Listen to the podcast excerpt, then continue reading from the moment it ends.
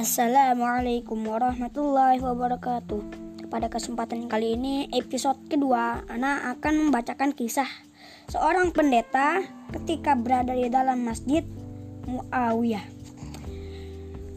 Diceritakan bahwa ketika kursi kekhila, kekhilafahan diduduki oleh Umar bin Abdul Aziz, ia melihat bahwa Khalifah Al-Walid bin Abdul Malik telah berlebihan dalam menyumbangkan dana untuk memugar Masjid Muawiyah dengan jumlah mencapai 5 juta dinar.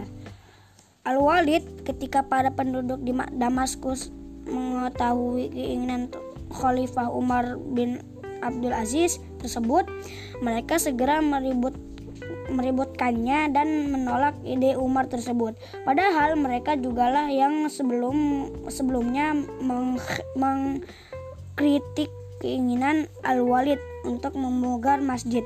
Akan tetapi sebelum Umar melaksanakan keinginannya, datang utusan resmi dari pihak Imperium Romawi ke Damaskus untuk menjalin kembali ikatan kerjasama antara kedua negara.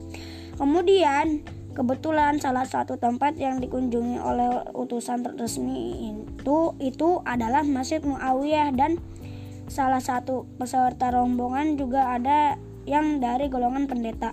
Tatkala rombongan itu memasuki masjid, tiba-tiba saja sang pendeta jatuh pingsan. Lalu ia segera dibawa ke ruang tamu. Setelah pendeta itu sadar, salah seorang temannya dari rombongannya menanyai sebab pingsannya. Tadi berseraya bertanya. Menanyai sebab pingsannya. Tadi seraya bertanya. Apa sebenarnya yang yang menimpamu? Pendeta itu segera menjawab. Kita pernah membicarakan bahwa kekuasaan orang-orang Arab tidak akan berlangsung lama, tetapi tatkala aku melihat bangunan yang sangat megah seperti itu, aku merasa ragu dan bingung dan bimbang dan bing dan bimbang. Aku semakin yakin bahwa kejayaan mereka akan terus lenggeng, lenggeng hingga langgeng hingga akhirnya aku jatuh pingsan.